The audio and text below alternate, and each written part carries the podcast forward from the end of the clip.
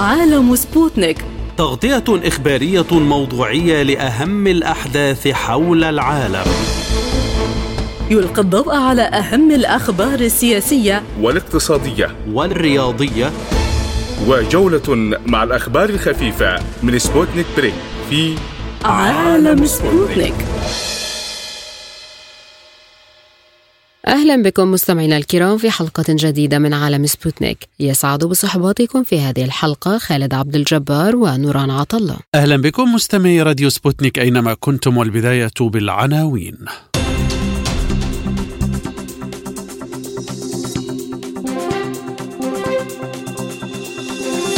السعودية والإمارات تعلنان نجاحهما في الوساطة لتبادل سجناء بين موسكو وواشنطن والبيت الأبيض ينفي. المجلس الرئاسي الليبي يعلن عن مبادرة لحل الأزمة السياسية في البلاد. نتنياهو يتفق مع حزب شاس المتشدد ويضمن أغلبية برلمانية ليقترب من تشكيل حكومة جديدة. الإنفاق الدفاعي الأوروبي يتجاوز للمرة الأولى 200 مليار يورو في 2021 إلى التفاصيل. نفى البيت الأبيض مشاركة السعودية والإمارات في المفاوضات بين واشنطن وموسكو بشأن تبادل السجناء. وقالت المتحدثة باسم البيت الأبيض كارين جان بيير إن البلدين اللذين شاركا في المفاوضات هما الولايات المتحدة وروسيا فقط ولم تكن هناك أي وساطة. وأضافت نشكر الإمارات العربية المتحدة على المساعدة فيما يخص استخدام أراضيها لإجراء التبادل. ونحن نشكر كذلك الدول الأخرى بما فيها السعودية التي كانت تعمل على تسوية قضية الأمريكيين المعارضين المعتقلين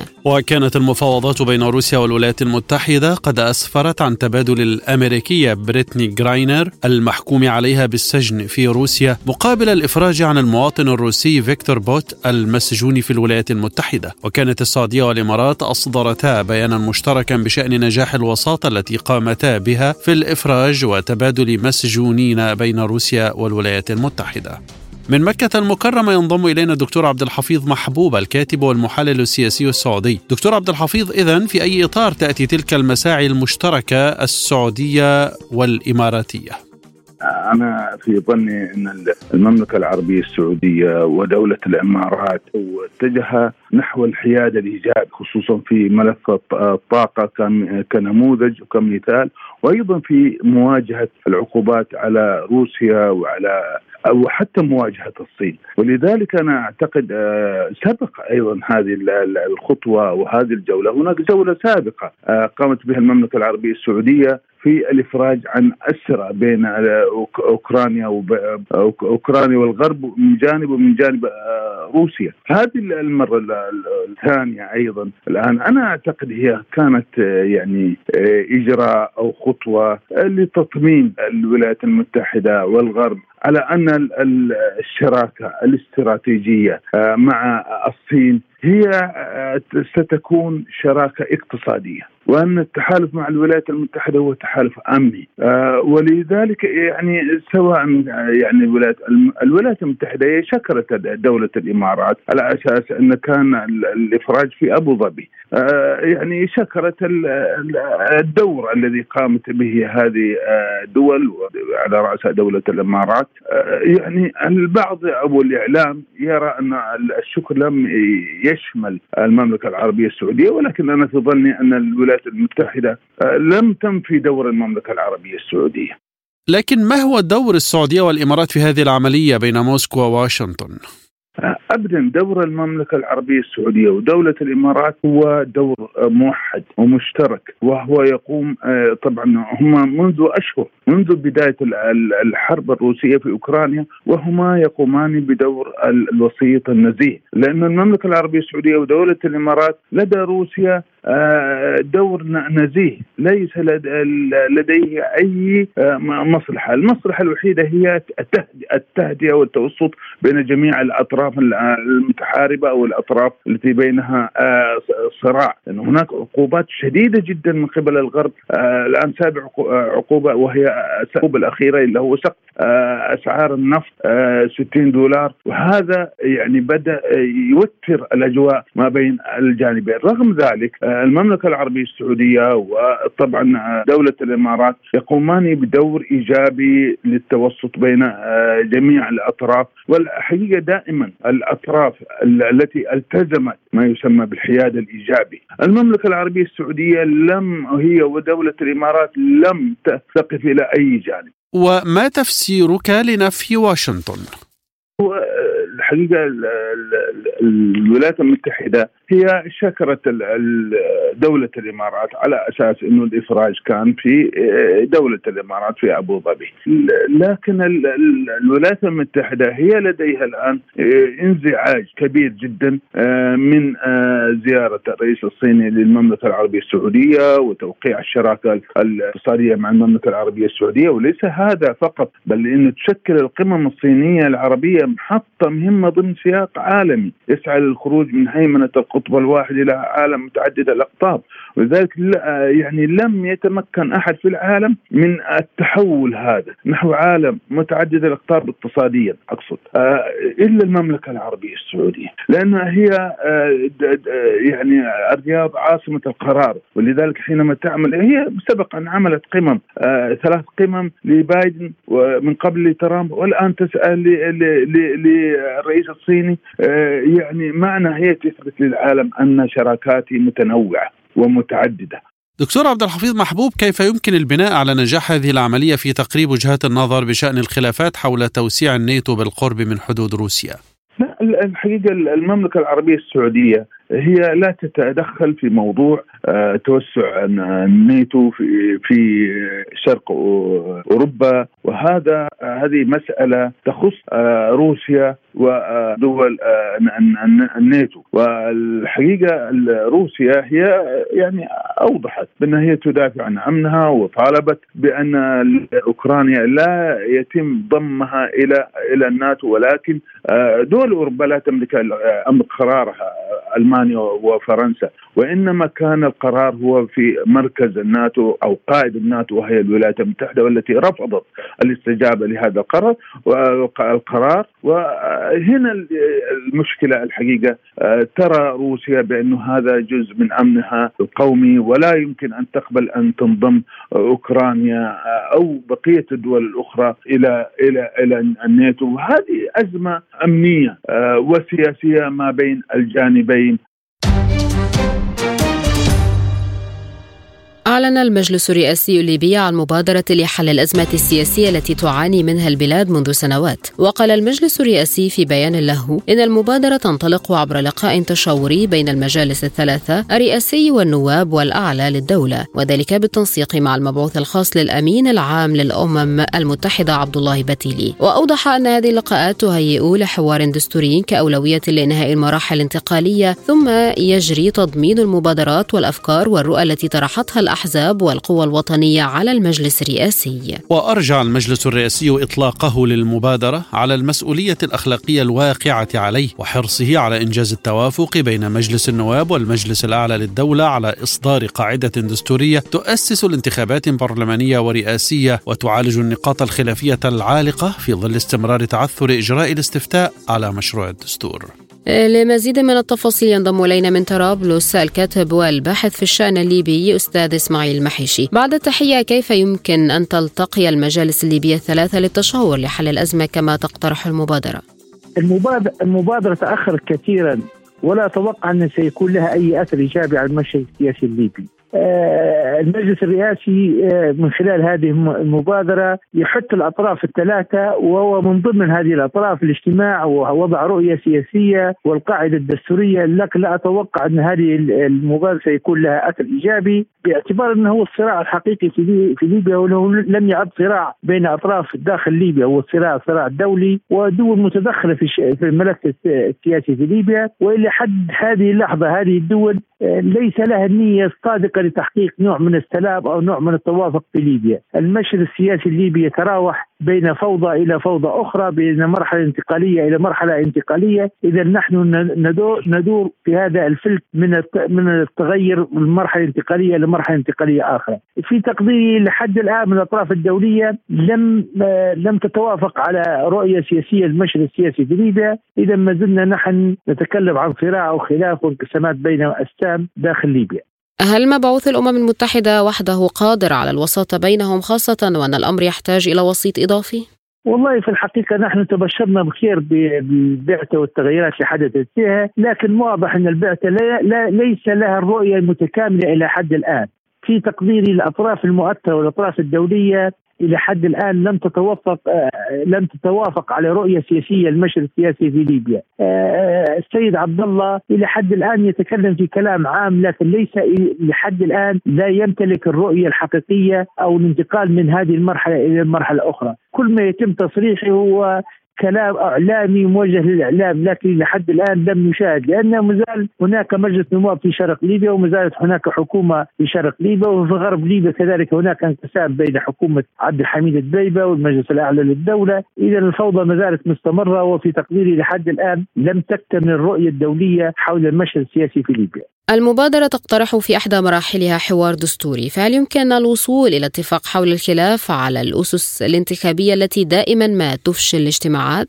هذه نقطة خلافية في المشهد السياسي في ليبيا حسب الإعلان الدستوري في 2011 إن من يقوم بإعداد القاعدة الدستورية هي الهيئة هيئة منتخبة من قبل الشعب لصياغة وإعداد مشروع الدستور. وتم انتخاب هذه الهيئة في 2014 وأنزلت مشروع الدستور في 2017 اذا هي القاعدة الدستورية جاهزة حسب الإعلان الدستوري في 2011 هذه الاستام الموجودة الآن على المشهد السياسي هي استام انتقالية مؤقتة ولا يحق لها على حسب الاتفاق السياسي. حسب الإعلان الدستوري في 2011 أتدخل في القاعدة الدستورية لأن هناك هيئة منتخبة من قبل الشعب وهي من انجزت هذه هذه هذه القاعدة، اذا لحد الآن نحن نمر بعمليه من انقسامات وخلافات. وللأسف الأطراف الدولية إلى حد الآن لا تريد أن يكون هذا مشروع الدستور هو القاعدة الدستورية، الأطراف الدولية عندما يتم إنجاز القاعدة الدستورية ومن خلالها يتم الانتخابات والانتقال من المرحلة المؤقتة إلى المرحلة الدائمة، إذا الأطراف الدولية آه، لن يكون لها أي وجود على المشهد السياسي الليبي، إذا أصبح الملف في ذلك الوقت بايدي الليبيين، والأطراف الدولية والبعثة لا تريد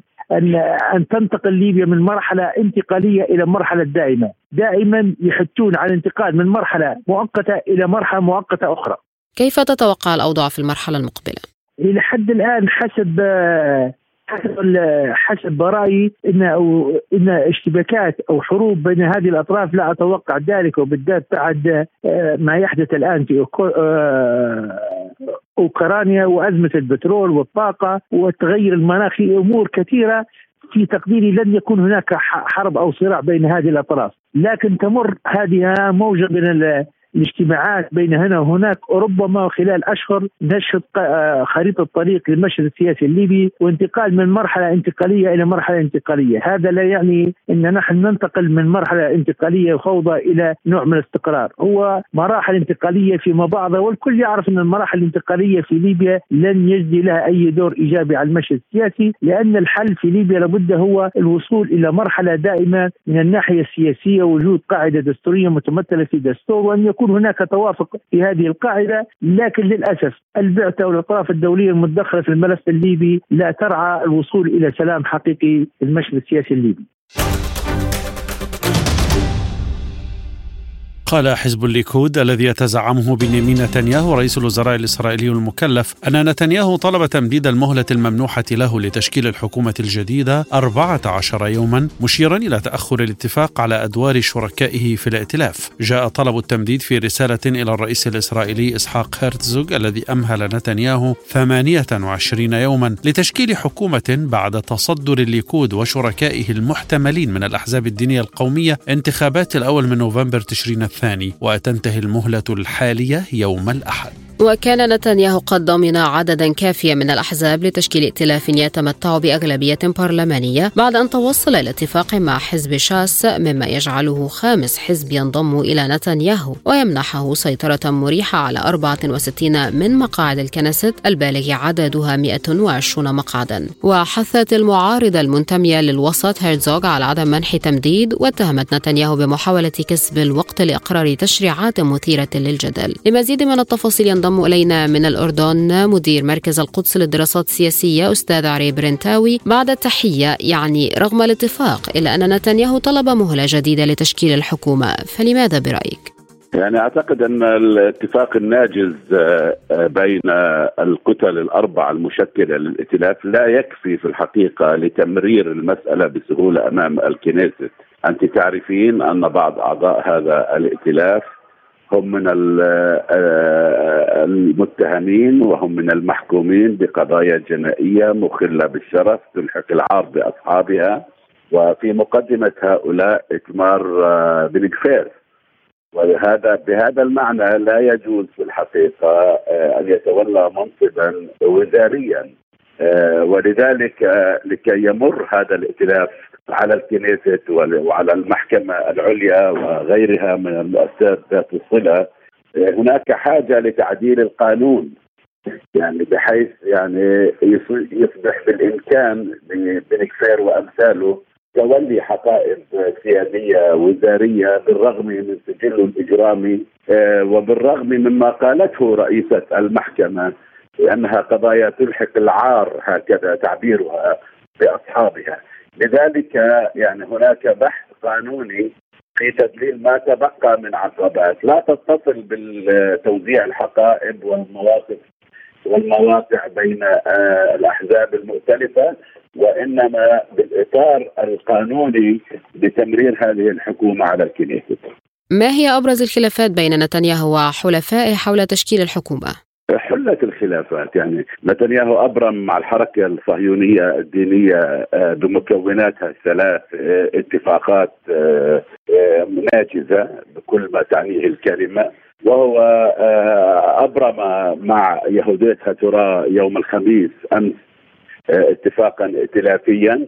وكان قبلها أبرم مع شاذ يعني اتفاقا مماثلا. وبالتالي ليست هناك مشكلة بين أطراف الائتلاف. يعني تم توزيع الحقائب. هم يشتركون يعني في المواقف السياسية والإيديولوجية ذاتها ولذلك نحن فقط بانتظار الآن يعني تدليل ربما بعض القضايا الإشكالية بعض العقبات من خارج إطار الائتلاف مع الكنيست أساسا. باقي الأمور أعتقد أنها تفاصيل يمكن أن تحتاج لبعض الوقت من أجل اضفاء بعض الرتوش عليها على هذه الاتفاقيات سيما المتعلقة بتوزيع الصلاحيات. انت تعرفين أن جزء من هذا من هذه الاتفاقيات نص عمليا على تقسيم وزارة الدفاع إلى وزارتين دون الاعلان عن ذلك رسميا. الشق المتعلق بالجيش من الناحية الاستراتيجية وعلاقات الدولية وتسليحه بالذات مع الولايات المتحدة هذا سيتولاه الليكود.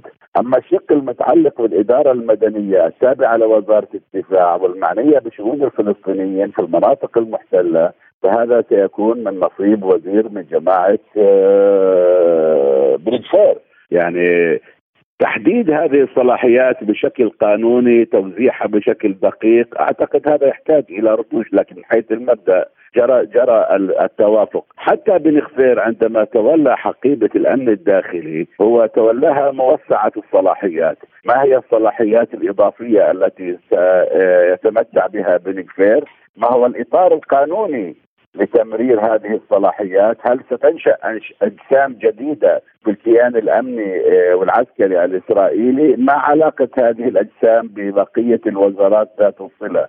بعض التفاصيل كوننا نتحدث في الحقيقة عن إعادة هيكلة للصلاحيات والمسؤوليات والمؤسسات بحيث يمكن اخضاعها بشكل كامل لقوى اليمين المتطرف الحريفة لنتنياهو في هذه الحكومة. هذه من حيث المبدأ أنجزت ولكن ربما تكون بحاجة إلى بعض التفاصيل المتصلة بتعريف الصلاحيات، تعريف الأجسام، الإطار القانوني، العلاقة ببقيه المؤسسات، مما يمكن فعله ويندرج في باب تحصيل الحاصل.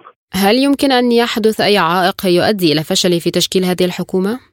أستبعد ذلك تماما يعني أستبعد ذلك آه، تماما وهو بدأ يتلقى إشارات إيجابية بهذا المعنى. الولايات المتحدث المتحدة التي كانت آه، آه، قد رفعت سقف انتقادها للوزراء الأشد تطرفا بدأت تتحدث عن تعامل مع السياسات وليس مع الشخصيات. دول المسار الإبراهيمي العربية استقبلت الإسرائيليين بعد الانتخابات وبعضها صرح بأن نتنياهو معتدل وأن حكومته ليست متطرفة. يعني في الوقت اللي أكثر من ثلاث أرباع الإسرائيليين بيعتقدوا ان هذه الحكومة الأكثر تطرفا، ليس هناك ردود فعل قوية يعني تجبر نتنياهو على التخلي عن هذا الائتلاف والبحث عن ائتلاف آخر. وبالتالي أعتقد أن الأمور ذاهبة في هذا الاتجاه واليمين المتطرف يدرك أن هناك فرصة ذهبية لن يبددها من أجل إحكام يعني قبض سواء على مؤسسات التربية والتعليم على اللقب والجليل على المحكمة العليا في إسرائيل أو في الضفة الغربية في القدس وغيرها والمقدسات والمنطقة جيم من الضفة الغربية وغير ذلك، أعتقد أننا ذاهبون في هذا الاتجاه، ولكن ما زلنا في إطار نفس المهلة يعني يعني يعني من حق نتنياهو ب 14 يوم إضافي وفقا للقانون. وأعتقد أن الأمور ممكن أن تتسرع ممكن أن يعني تكون مفاجاه في أقرب فرصة يعني من أجل ذلك. وهم نجحوا في ترتيب وضعهم في الكنيسة الآن. من أجل تمرير التعديلات التي ينبغي إدراجها في هذا المجال واهمها تعديلين اثنين أساسيين. التعديل الأول ينسف النظام السياسي أو الدستوري في إسرائيل وهو أن قرارات المحكمة العليا تخضع للكنيست في المستقبل وليس العكس. لا يعني بضرب مبدأ فصل السلطات يعني من أجل يعني إضعاف محكمة المحكمة العليا. والتعديل الثاني هو السماح لمن لحق بهم العار في جرائم مخلة بالشرف بتولي مناصب وزارية وهذا قانون بلغفير أو هكذا يجب أن يسمى. قالت وكالة الدفاع الأوروبية أن الإنفاق الدفاعي الأوروبي تجاوز للمرة الأولى على الإطلاق 200 مليار يورو في عام 2021 وهو ما يعادل واحدا ونصفا بالمئة من إجمالي الناتج المحلي للدول الأعضاء في الوكالة البالغ عددها 26 دولة. وذكرت الوكالة في تقريرها السنوي لبيانات الدفاع أن الإنفاق ارتفع بنسبة 6% خلال عام 2021 على أساس سنوي ليصل إلى 214 مليار يورو مسجلا أقوى نمو منذ بدأت المنطقة زيادة الإنفاق العسكري في 2015 وتأسست الوكالة عام 2004 وتتمثل مهمتها الرئيسية في دعم وتيسير التعاون الدفاعي في أوروبا وتضم في عضويتها جميع دول الاتحاد الأوروبي باستثناء الدنمارك. وقد أوضحت الوكالة أن الدول التي سجلت أعلى زيادة كانت إيطاليا وفنلندا واليونان وسلوفينيا. من بيروت ينضم إلينا دكتور أمين حطيت الخبير العسكري والاستراتيجي. بعد التحية ماذا يعني زيادة الإنفاق الدفاعي لهذه الدرجة؟ يبدو أن الحلف الأطلسي بدأ يتصرف وفقا للتغير الرئيسي في طبيعته العسكرية. فمن حلف دفاعي كما كان ينص عليه الميثاق إلى حلف ذو طبيعة هجومية كما بدأ في أفغانستان سابقا واليوم في آه، أوكرانيا. لذلك هذه الطبيعة الهجومية تستوجب إعادة نظر بالقدرات العسكرية التي تراجعت بعد العام 1991 إثر حل الاتحاد السوفيتي وتخفيض العديد العام للقوى العسكرية بمقدار الثلث في أوروبا وتخفيض الإنفاق العسكري بمقدار النصف على كامل الدول الحلف الأطلسي الأوروبية.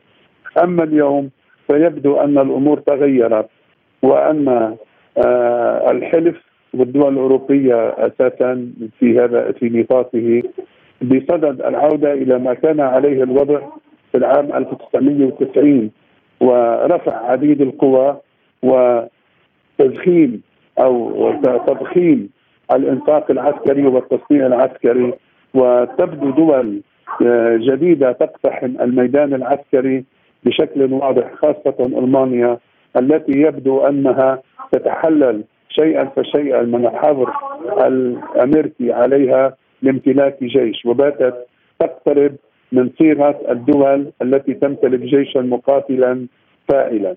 من المستفيد الأكبر من هذا الإنفاق ومن الخاسر؟ هذا الإنفاق سيتزايد ويبتغي منه قادة الحلف الأطلسي تحصيل القدرات العسكرية الهجومية. وهذا الأمر آه، برأينا سينعكس على مجمل العلاقات الدولية وعلى طبيعة الحلف العسكري وعلى الأمن والاستقرار العالميين. فبالتالي آه، أن يمتلك حلف الاطلسي قدرات عسكرية هجومية واسعة هذا أمر يخل بميزان الاستقرار الدولي والعالمي. هناك اقتراحات أوروبية منذ فترة بتشكيل قوى دفاع أوروبية فهل هذا الأمر قابل للتطبيق؟ الحقيقة الذي أطلق هذا الموضوع هو الفرنسيين وأطلقوا فكرة إنشاء الجيش الأوروبي لكن أمريكا قمعت هذه الفكرة ومنعتهم من آه، الانتقال إلى التنفيذ لأن أمريكا تريد أن تبقي الحلف الأطلسي وتبتز الأوروبيين بها وتسيطر عليهم من خلال هذا الإطار العسكري التنظيمي. كيف يمكن أن تؤثر زيادة الإنفاق الدفاعي والهواجس الأمنية الأوروبية على تحالفاتها في الشرق الأوسط؟ بالنسبة للشرق الأوسط الأمر مختلف بعض الشيء خاصة وأن الحلف الأطلسي يتكل بشكل مباشر على آه، إسرائيل آه، لتكون قاعدته الأمامية أما القواعد العسكرية الأطلسية في الشرق الأوسط خاصة في منطقة الخليج وفي آه، العراق يبدو أنها تحت سقف الضبط العسكري المحدد. ولهذا السبب الإنفاق العسكري الرئيسي للأطلسي تتطلبه الطموحات الأطلسية الجديدة سواء باتجاه أوكرانيا ومواجهة روسيا أو باتجاه آه، الشرق الاقصى ومواجهة الصين بشكل خاص، أما بالنسبة للشرق الأوسط فالمسألة لا تتغير كثيرا بعد الانكفاء آه، العسكري الأطلسي فيه والاتكال آه، أكثر على دول عربية وعلى تسليحها وعلى إسرائيل. كيف ستكون ردة فعل روسيا تجاه هذا الإنفاق الدفاعي الأوروبي الضخم؟ آه، روسيا ستتصرف بذهنية الدفاع عن النفس وستلجأ إلى سياسة تقوم على ثلاثة أركان رئيسية، الركن الأول ذاتي أي آه، محاكاة التضخيم في الانفاق العسكري آه، الأطلسي بما يوازيه آه، روسيا إلى حد ما. ثانيا الركن الثاني تضخيم العلاقات مع الحلفاء خاصة الدول التي تبتغي الدول الأطلسية الشر بها خاصة الصين وإيران بشكل أساس. ثالثا تنظيم الأحزمة الأمنية الإقليمية آه، في محيط روسيا مثل الدول المستقلة ومنظمة التعاون والأمن. والآن مستمعين إليكم جولة إخبارية حول العالم.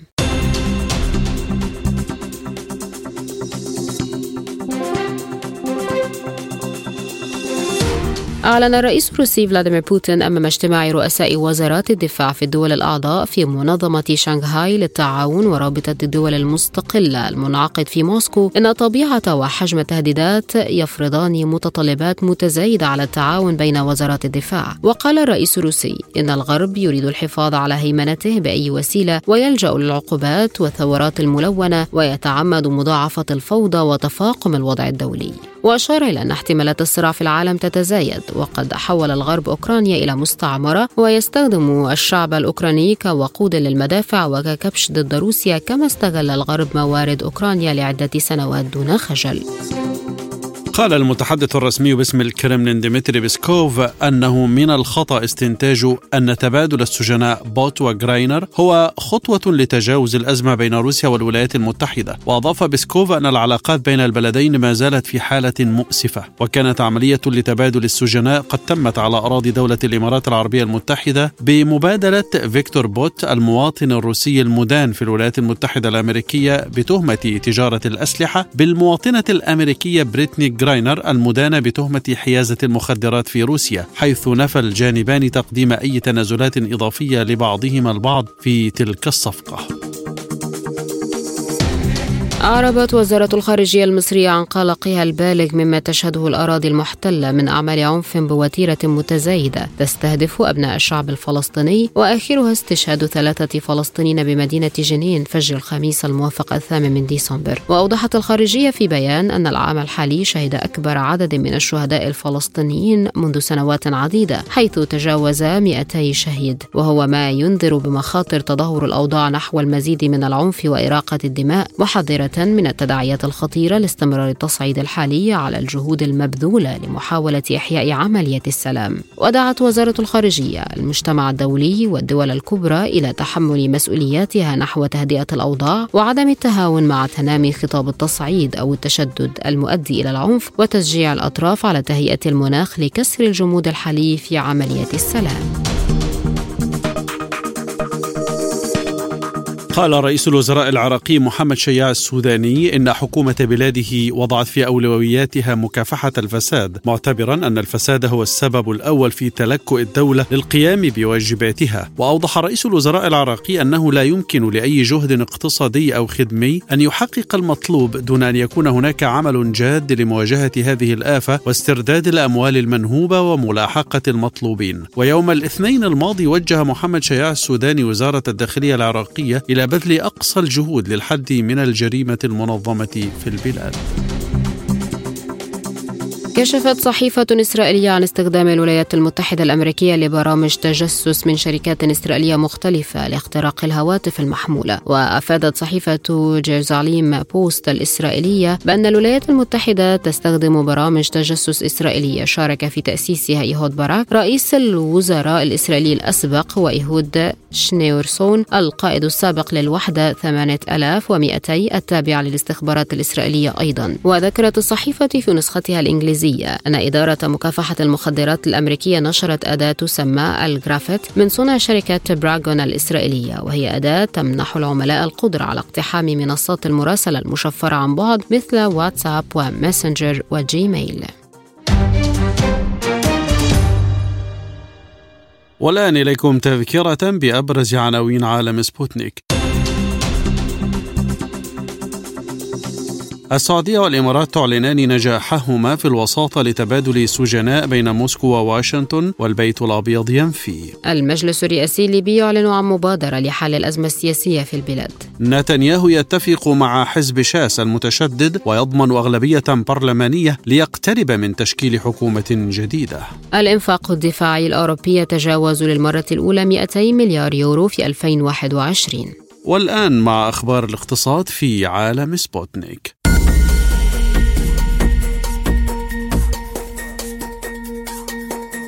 أكدت الصين والسعودية في بيان مشترك على أهمية استقرار أسواق النفط العالمية والدور السعودي في ذلك. وجاء في البيان الذي صدر في ختام القمة الصينية السعودية أن الصين ترحب بدور المملكة في دعم توازن واستقرار أسواق البترول العالمية وكمصدر رئيسي موثوق للبترول الخام إلى الصين. ويزور الرئيس الصيني شي جين بينغ المملكة العربية السعودية بدعوة من خادم الحرمين الشريفين الملك سلمان بن عبد العزيز في إطار تعزيز العلاقات الاستراتيجية بين البلدين. ووقع العاهل السعودي والرئيس الصيني اتفاقية الشراكة الاستراتيجية الشاملة بين البلدين.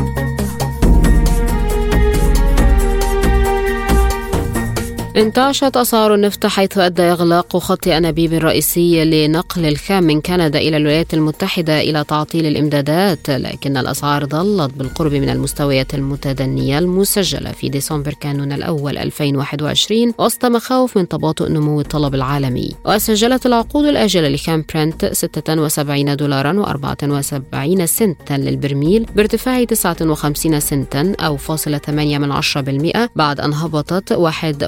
0.3% أمس الخميس. وارتفع خام غرب تكساس الوسيط الأمريكي 68 سنتا بما يعادل 1% إلى 72 دولارا و14 سنتا للبرميل بعد أن سجل انخفاضا فاصل 8 من 10% عند التسوية في الجلسة السابقة. وأدت أنباء وقوع حادث أدى لإغلاق خط أنابيب كيستون التابع لشركة تي سي إنرجي الكندية في الولايات المتحدة إلى ارتفاع قصير الأمد أمس الخميس لكن الأسعار تراجعت في النهاية إذا اعتبرت السوق أن الإغلاق لن يستمر طويلاً. أعلنت شركة تشغيل الكهرباء الإيطالية تيرنا والمفوضية الأوروبية أن الاتحاد الأوروبي سيدعم مشروعا لمد خط كهربائي تحت البحر بين إيطاليا وتونس بتمويل يبلغ نحو 307 ملايين يورو أي ما يعادل 324 مليون دولار. وقالت تيرنا إن الوزارة المعنية بالبيئة وأمن الطاقة في إيطاليا بدأت إجراءات ترخيص المشروع الذي من المفترض أن يبلغ إجمالي تكلفته نحو 850 مليون يورو. وستأتي الأموال المخصصة المشروع من مرفق توصيل أوروبا التابع للاتحاد الأوروبي الذي أعلنت مفوضية الاتحاد الأوروبي من خلاله أيضا عن استثمارات في سبعة مشاريع أخرى للطاقة عبر الحدود بتكلفة إجمالية 600 ومليوني يورو. سجلت قيمة واردات مصر من الصين 11 مليار ومليون دولار خلال أول تسعة أشهر من العام الحالي مقابل 10 مليارات و700 مليون دولار لنفس الفترة من العام الماضي وفقا لبيانات الجهاز المركزي المصري للتعبئة العامة والإحصاء. ارتفعت قيمة صادرات مصر إلى الصين مسجلة مليار ونصف دولار خلال أول تسعة أشهر من العام الحالي مقابل مليار دولار ومليون خلال نصف الفترة من العام الماضي بارتفاع النسبة 36.7% كما زادت قيمة التبادل التجاري بين مصر والصين لتصل إلى 12 مليار و700 مليون دولار خلال أول تسعة أشهر من العام الجاري مقابل 11 مليار و900 مليون دولار خلال نفس الفترة من العام الماضي بارتفاع النسبة 9.8%.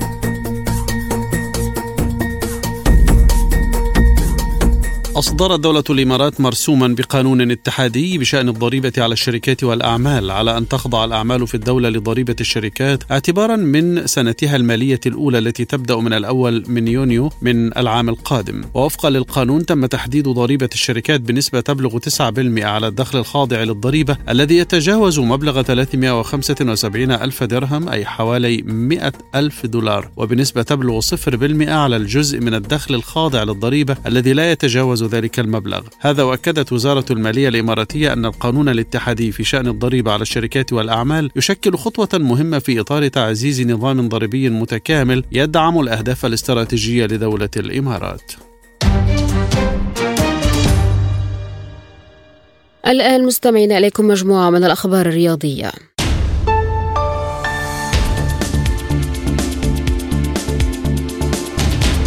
عاد النجم الفرنسي كيليان مبابي هداف مونديال قطر 2022 برصيد خمسة أهداف لزيارة مقر إقامة منتخب المغرب مجددا بعد إطاحة أسود الأطلس بالمنتخب الإسباني من نهائيات المونديال. وهذه المرة لم يكتفي مبابي بلقاء صديقي في باريس سان جيرمان أشرف حكيمي. بل التقى وليد ريغراغي المدير الفني للمغرب ونقل له تهاني على الإنجاز الكبير وسط أجواء رائعة خلفها حضوره بتواجد الممثل الكوميدي العالمي المغربي جمال الدبوز وتمنى مبابي لقاء منتخب المغرب وزميله أشرف حكيمي خلال دور نصف نهائي البطولة بعد أن يجتازا تواليا حاجزي البرتغال وإنجلترا في دور ربع النهائي.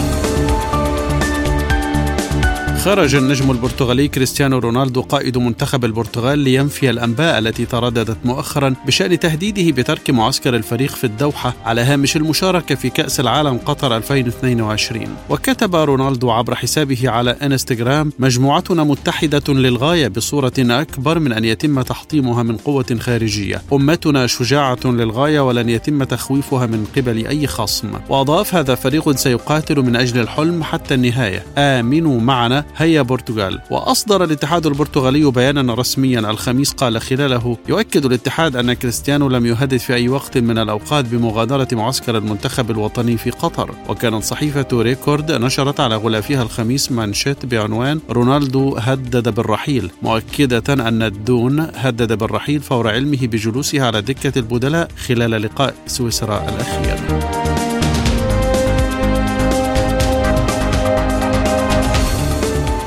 قال ناصر الخليفي رئيس باريس سان جيرمان إن المهاجم الأرجنتيني الدولي ليونيل ميسي سعيد في النادي المنافس الدوري الفرنسي لكرة القدم. وإن الطرفين سيتباحثان في إمكانية تمديد التعاقد بينهما بعد نهائيات كأس العالم المقامة حاليا في قطر. كان ميسي قد انتقل إلى نادي العاصمة الفرنسية قادما من برشلونة الإسباني في 2021 بناء على عقد لمدة عامين سينتهي الصيف المقبل. وفي الموسم الحالي أحرز ميسي 12 عشر هدفا وهيأ 14 فرصة تهديف لناديه في جميع المنافسات. وردا على سؤال أكد الخليفي رغبة ميسي صاحب ال 35 عاما في الاستمرار في سان جيرمان. عين الاتحاد الإسباني لكرة القدم لويس دي لافوينتي مدربا لمنتخبه الأول بعد دقائق من إقالة لويس إنريكي الذي أخفق في قيادة لاروخا إلى ربع نهائي مونديال قطر 2022 في كرة القدم. وقال الاتحاد الإسباني في بيان إن دي لافونتي سيقدم الإثنين ويخوض بداية مشواره في مارس آذار خلال تصفيات كأس أوروبا 2024 المقررة في ألمانيا. وعمل دي لافونتي البالغ من العمر 61 عاما منذ 2013 مع منتخبات الفئات العمرية لإسبانيا وحمل ألوان أتلتيك بليباو وإشبيلية وألافيس في الثمانينيات والتسعينيات كظهير أيسر. وأخفقت إسبانيا بطلة مونديال 2010 في بلوغ ربع نهائي المونديال بخسارتها المفاجئة الثلاثاء أمام المغرب بركلة الترجيح. الآن مستمعين إليكم مجموعة من الأخبار الخفيفة وسبوتنيك break.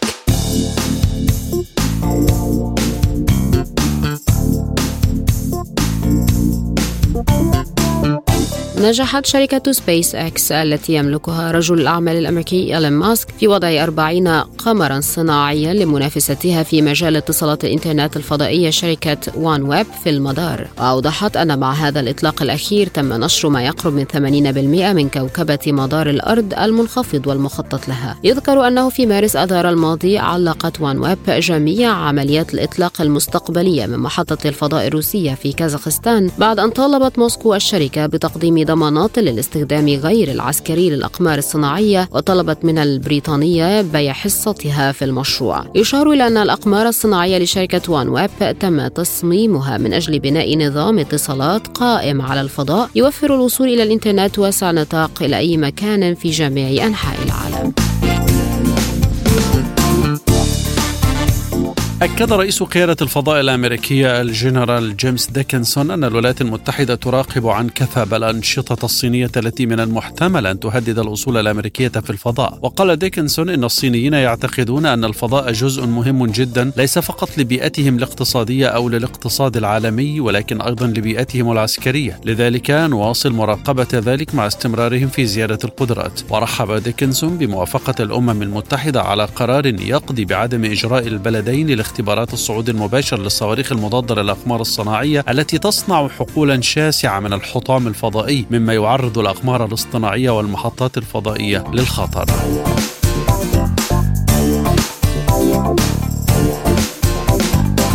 كشفت دراسة جديدة أن البركان العملاق في يالستون الذي قد يتسبب في دمار شامل عندما ينفجر ويحتفظ بضعف كمية الصهارة عما كان يعتقد سابقا. وقد تم هذا الاكتشاف من خلال تحليل اهتزازات الأرض لإنشاء صور ثلاثية الأبعاد لحجرة الصهارة أسفل تكوين الأرض. وأظهرت الصور السابقة تركيزا منخفضا بنسبة 10% فقط. لكن البحث الجديد لاحظ أن 16 إلى 20% من الفوهة البركانية تحتوي على الصهارة وقالت مانتشين الأستاذة المساعدة في جامعة ولايات ميشيغان أو المشاركة في العمل. إن النتيجة لا تشير إلى احتمال حدوث ثوران في المستقبل.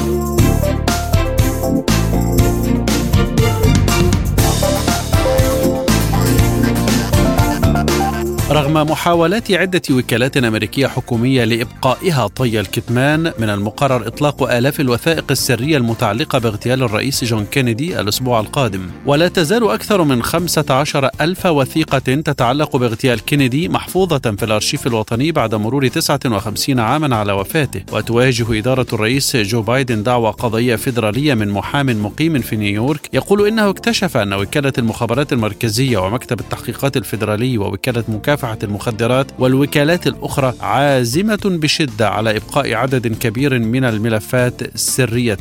وقال جيفرسون مورلي نائب رئيس مؤسسة ميري فيرل أحد أكبر مصادر سجلات الاغتيالات في الولايات المتحدة إن هناك ما لا يقل عن 16 ألف وثيقة لم يتم الإفراج عنها بعد.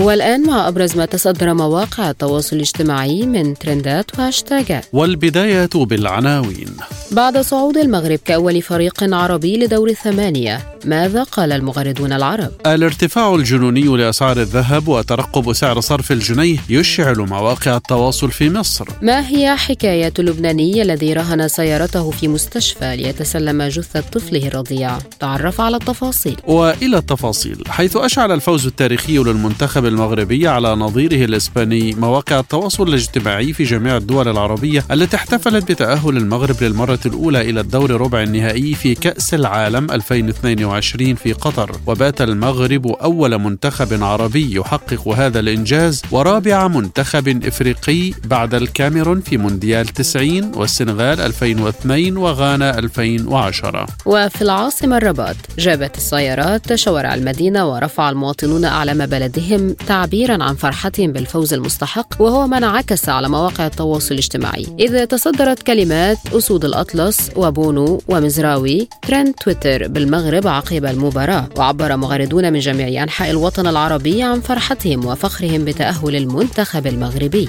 بعد الفوز تداول رواد مواقع التواصل الاجتماعي في المغرب مقطع فيديو لمشاركة العاهل المغربي الملك محمد السادس الشعب المغربي الاحتفالات في الشوارع بفوز المنتخب الوطني على إسبانيا في كأس العالم. ووثق الفيديو المنتشر عبر مواقع التواصل الاجتماعي لحظة مرور ملك المغرب بسيارته وهو يحتفل مع أعداد كبيرة من الجماهير. وكتبت دولي تقول محمد السادس شخصيا يحتفل في شوارع رباط يشارك المغاربة فرحتهم بعد مباراة المغرب وإسبانيا. ها هو ملك المغرب لمن يسأل عنه. شفتوه مزيان يا الله البركة في راسكم. ونشر مغرد آخر قطري الجنسية فيديو تناقلته مواقع التواصل الاجتماعي لأمير دولة قطر شيخ تميم وهو يرفع علم المغرب ويشجع من وسط المدرجات. أما الشيخ محمد بن راشد حاكم دبي نائب رئيس دولة الإمارات فقد غرد قائلا المستحيل ليس مغربيا المستحيل ليس عربيا. أسود ورجال المغرب بكم نفخر ونفاخر العالم.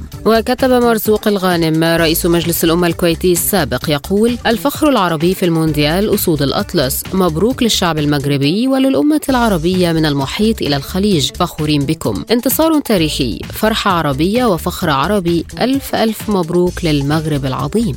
وكتب محمد البرادعي المدير السابق لوكالة الطاقة الذرية يقول عندما ترى كيف شجعت وفرحت شعوب منطقتنا العربية بكل فريق عربي بنفس الحماس والتلقائية ثم تتذكر الخلافات بين حكامنا ومحاولات البعض إقناعنا أنه لا يوجد عالم عربي تحمد الله على فطنة وإدراك شعوبنا. وكتب الكاتب القطري جابر الحرمي يقول استقبال فخم للمنتخب المغربي من قبل إدارة الفندق الذي يقيم فيه. يستاهلون الأبطال. وكتب المخرج المصري عمرو عرفة معلقا على صورة حارس المرمى المغربي سور المغرب العظيم أسد الأطلسي ياسين بونو لك من مصر كل التحية والحب والتقدير. وفي إطار احتفالهم بفوز الفريق المغربي شارك المغردون صورا ومقاطع عن أبرز أحداث المباراة وما أعقبها من احتفالات. فقد أشادت نجلاء العتيبي بتوجه اللاعب أشرف حكيمي إلى والدته في المدرجات وتقبيلها أثناء احتفاله بالفوز بعد المباراة. وأثنى الصحفي تركي شلهوب على سجود الفريق المغربي بعد الفوز. وعلق مغردون على رفع المنتخب المغربي لعلم فلسطين أثناء احتفالهم بالفوز عقب المباراة. كما شارك المغردون لقطات سجلت فرحة رجل أمن مغربي لم يتمالك نفسه وقت ركلات الترجيح. وأثنى كثيرون على الرجراجي مدرب الفريق المغربي. ديما مغرب. لم يترددوا صدى هذه التهنئة ضمن الحدود المغربية فحسب. فمن منكم لم يحاول جاهدا كبح دموع الفرح عقب انتصار المغرب أمس؟ طبعا الاحتفالات والهتافات رددها المشجعون على امتداد البلدان العربية بعد فوز أسود الأطلس الكبير على إسبانيا. ليكون أول منتخب عربي يتأهل إلى دور ربع نهائي كأس العالم. هذا الفوز في الحقيقة أنسى المغاربة أزمتهم الاقتصادية ووجد فيها العاهل المغربي محمد السادس فرصة لمشاركة الشعب أفراحهم فقد ظهر محمد السادس داخل سيارته مرتديا قميص المنتخب المغربي وأحاطه حشد من المغاربة يحملون أعلام بلدهم. وقال الديوان الملكي إن الملك تحدث هاتفيا مع مدرب المنتخب المغربي وليد الرجراجي وأعرب عن تهانيه للاعبين والجهاز الفني وإدارة المنتخب. بمناسبة اللاعبين المغربيين أصبحنا أيضا طبعا من أيقونات جماهير المشجعين. أبرزهن سعيدة والدة أشرف حكيمي التي أقبل على تقبيلها. وربما من شأن السعادة بهذا الفوز أن تنسيهما الأوضاع الصعبة التي عاشها حكيمي في نشأته. أثار ارتفاع هائل وحاد في أسعار الذهب في مصر جدلا واسعا عبر مواقع التواصل الاجتماعي ونقاشا حول مدى تأثير ذلك على الأسر ذات الدخل المنخفض يأتي ذلك بينما يترقب كثير من المصريين أي تغير في سعر الصرف الجنيه المصري مقابل الدولار بعد أنباء عن انخفاض كبير محتمل. وبحسب وسائل إعلام مصرية فقد تجاوز سعر جرام الذهب عيار 24 في مصر مستوى 1863 جنيها بالإضافة إلى وجود تفاوت في الأسعار داخل السوق حتى مستوى 1900 وقد دفع ارتفاع وتفاوت سعر الذهب المنصات الرقمية المخصصة لتداوله عبر الإنترنت في مصر إلى وقف نشر حركة الأسعار لعدم استقرار السوق المحلية. تخبط سعر الذهب وتزايد الإشاعات حول الارتفاع المحتمل لسعر الدولار مقابل الجنيه المصري أشعل وسائل التواصل الاجتماعي في مصر. فقال مغرد ساخرا إن ارتفاع سعر الذهب لم يكن سببه تصعيب شراء الشبكة بل إغراء من يملك ذهبا لبيعه. في حين كتب أحمد جمعة يقول شائعة اقتراب تعويم الجنيه المصري مرة ثالثة أوجدت حالة سعار عند كبار الأثرياء لتحويل أموالهم بالجنيه لذهب خصوصا وسط ندرة الحصول على دولارات وما يحدث في سوق الذهب عبث وتهور لأن الذهب ممكن ينزل نزول رهيب بعد عام وساعتها سيندم كل من يشترونه الآن وكان أحد الإعلاميين المصريين قال في برنامجه الحديث عن الذهب أصبح أكثر من الأرز والدجاج والبيض هل كنتم تشترون الذهب كل يوم؟ لماذا كل هذه الضجة حول سعر الذهب؟ ليرد عليه محمود حامد قائلا أرد عليك بطريقتك هو مش سلعة أساسية ولا العربية ولا الأراضي والشقق طب والسلع الأساسية إيه أخبارها؟ وأخبار قيمة الجنيه إيه؟ هو مش سلعة أساسية إنما سلعة بتوضح ثقة الناس رايحة لفين واستثمارها إيه؟ من جهة أخرى اختار كثير من المغردين التعامل مع موضوع أخبار الجنيه وارتفاع سعر الذهب بالسخرية والطرافة. فكتب حساب باسم ربيع فندي يقول الذهب داخل على 2000 يعني أنا شغال طول الشهر بجرامين ذهب. ده أيام الكفار كنت تشيل شوية القمح من السوق لغاية الخيمة بسرة من الدنانير الذهب ولا يوم من أيامك يا أبو جهل. وكتب حساب باسم مغرد زملكاوي معلقا على صورة لشبكة من الفضة يقول أول شبكة فضة بعد ارتفاع أسعار الذهب. أنتظر آراءكم في الفكرة. هو ده واللي أهم هذه الشكوى يا عمي إشكي من الرز بتاعك أنا خدامك. إشكي من البيض. قول لي كيلو صدور الفراخ النهارده بقى 140 ولا 150 شوف بقى قد إيه الطرف. سامعك. آه، كيلو اللحمة النهارده المفروم بتاعك. الجبنة النهارده بقوا بيعملوها مجنسة مش كامله حبيبك إنما تقوم بتصوت الصبح من سعر الذهب ده هذا ما لم نسمع به من قبل. من إمتى؟ الشعب في قد إيه ناس يعني رايحة ترزع جنزيرين على الصبح عايز 10 15 جنيه على الصبح. ما ماشي أنا مش رافض. في ده ليه ناسه. ليه ناسه اللي عايز يجيب وعايز بيتحوط على الجنيه. الجنيه بينزل أو هكذا أظن. وبتاع فبيجيب ده علشان يعمل الميزان بتاعك. دول كام واحد؟ وكم واحد معاه مثلا؟ يعني اللي هينزل يشتري دهب مش من مثلا من مئة ألف جنيه لطالع. كم واحد دول؟ المئة ألف جنيه النهاردة يجيبوا لك إيه؟ خمسة كيلو خمسة جنيه دهب؟ الكيلو امبارح مش امبارح الأسبوع اللي فات كان بمليون وتمنمية. كم واحد نازل يشتري كيلو دهب دشت مواقع التواصل الاجتماعي في لبنان غضبا بعد انتشار صورة المواطن اللبناني يحمل جثة طفله الرضيع سيرا على الأقدام. وتظهر الصورة الوالد وهو يحمل طفله الرضيع ملفوفا بقطعة قماش زرقاء بعد لفظ أنفاسه داخل مستشفى في عكار بشمال لبنان. ونقلت وسائل إعلام محلية لبنانية أن المواطن حسين البعريني من بلدة فنيدق العكارية اضطر إلى رهن سيارة ابن شقيقته لإخراج جثة طفله الرضيع الذي توفي بعد بقائه 25 يوما في الحاضنة وبلغت فاتورته 2500 دولار أمريكي. وقد ظهر البعريني في مقطع فيديو تداوله المستخدمون على نطاق واسع عبر مواقع التواصل الاجتماعي يروي من خلاله تفاصيل الحادثة. وقد تناقل كثيرون صورة الأب وهو يحمل جثة رضيعه أثناء خروجه من المستشفى. فقالت رامية الإبراهيم أبو عمر من فنيدق بعكار شمال لبنان حاملا جثمان طفله الرضيع البالغ من العمر 25 يوما. المستشفى حجزت على سيارته لتسمح له بأخذ طفله ودفنه لحين سداد الفاتورة 400 دولار. مهمشون لا يهتم لأمرهم إلا بالانتخابات ولا تلحظهم بعض الصحافة إلا إذا ساعدهم أخ بالوطن من طائفة أخرى. فتبث نار الفتنة. آه يا القهر والله.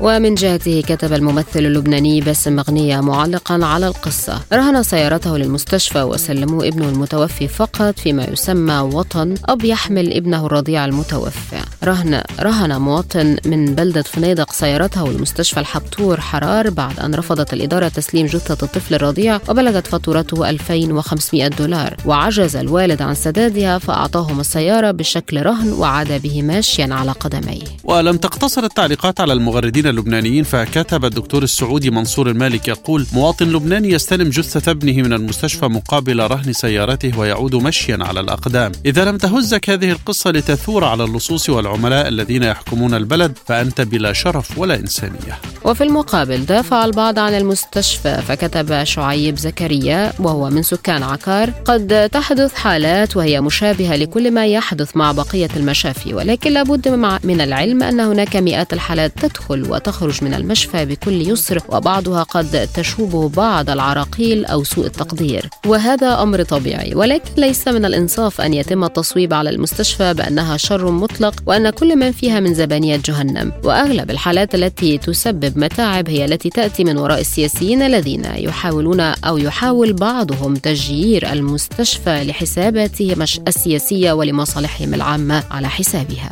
أنا والد الطفل أحمد حسين البعريني أه دقولي من المستشفى الدكتور بكير. دق لي الصبح قال لي معوض بسلامتك الصبي توفى. الصبي صار 24 يوم بالقفاز فرحت لجيب الطفل من المستشفى قمت وصلت لهونيك الانطرمة تبعت المحوسبة لأجت اللي هي اسمها سوسن موسى. فقلنا لها شو بندفع قالت لي طلع عليك 2400 دولار. رجع بعد شوي قالت لي آه في جمعية برعت لك ب 350 دولار بقي عليك 2050 دولار. فقلت لها ليك ما آخر شيء قعدت شوي هونيك قلت لها ما معي أدفع المبلغ كله معي 400 دولار. قولوا لي بقايا. قلت لها باليومين بعطيك إياهم. قلت لي مين بده يكفلك قلت لها بيكفلني مين بدك يكفلني قلت لي دق لاستاذ حدا من عندكم انت هي بتعرفه معروف هو قلت لها دقيت له قلت لها خطه مسكر وعم اسمعك هي قالت لي من تم انه هذا الاستاذ هلا بينام بهذا الوقت ما بيفيق قلت لها والحل قلت لي شو معك؟ قلت لها معي 400 دولار، قلت لها تي للصبية، معك سيارة؟ قلت لها أول شيء لا ما معي سيارة، قلت كيف جاي تاخده؟ قلت لها والله مدبر حولي. رجعت قلت لها معي سيارة هي سيارة لابن أختي قالت لي بتخلي مفتاح السيارة هون. وين السيارة قلت لها واحكي هونيك عيطت للدكتور معن محمود. قالت له يا دكتور طمن لي هاي السيارة قديش بتسوي. قلت لها باش بدي أروح على البيت. قالت لي بتدبر حولك. حملت حولي. الدكتور اجى تمن السيارة قال لها هاي السيارة بتسوى من 2000 ولتحت أعطيتها 400 دولار نقدي وأعطيتها مفتاح السيارة وأعطتني إذن خروج. ومضت لي عليه وطلعت استلمت الصبي وجيت فيه على الطريق مشي لشارع العوم. طلعت بتاكسي وجبته ضليت جاي وكان معي ابن أختي هو كان معي. وفي الختام إليكم تذكرة بأهم ما جاء في عالم سبوتنيك لهذا اليوم. السعودية والإمارات تعلنان نجاحهما في الوساطة لتبادل سجناء بين موسكو وواشنطن والبيت الأبيض ينفي. المجلس الرئاسي الليبي يعلن عن مبادرة لحل الأزمة السياسية في البلاد. نتنياهو يتفق مع حزب شاس المتشدد ويضمن أغلبية برلمانية ليقترب من تشكيل حكومة جديدة. الإنفاق الدفاعي الأوروبي يتجاوز للمرة الأولى 200 مليار يورو في 2021 واقتصاديا الصين والسعودية تؤكدان في بيان مشترك أهمية استقرار أسواق النفط النفط العالمية والدور السعودي في ذلك. ورياضيا نجم فرنسا كيليان مبابي يزور مقر إقامة منتخب المغرب مجددا ويتمنى لقاء فرنسا والمغرب في الدور قبل النهائي للمونديال. للمزيد زوروا موقعنا عبر الإنترنت سبوتنيك dot AE. إلى اللقاء.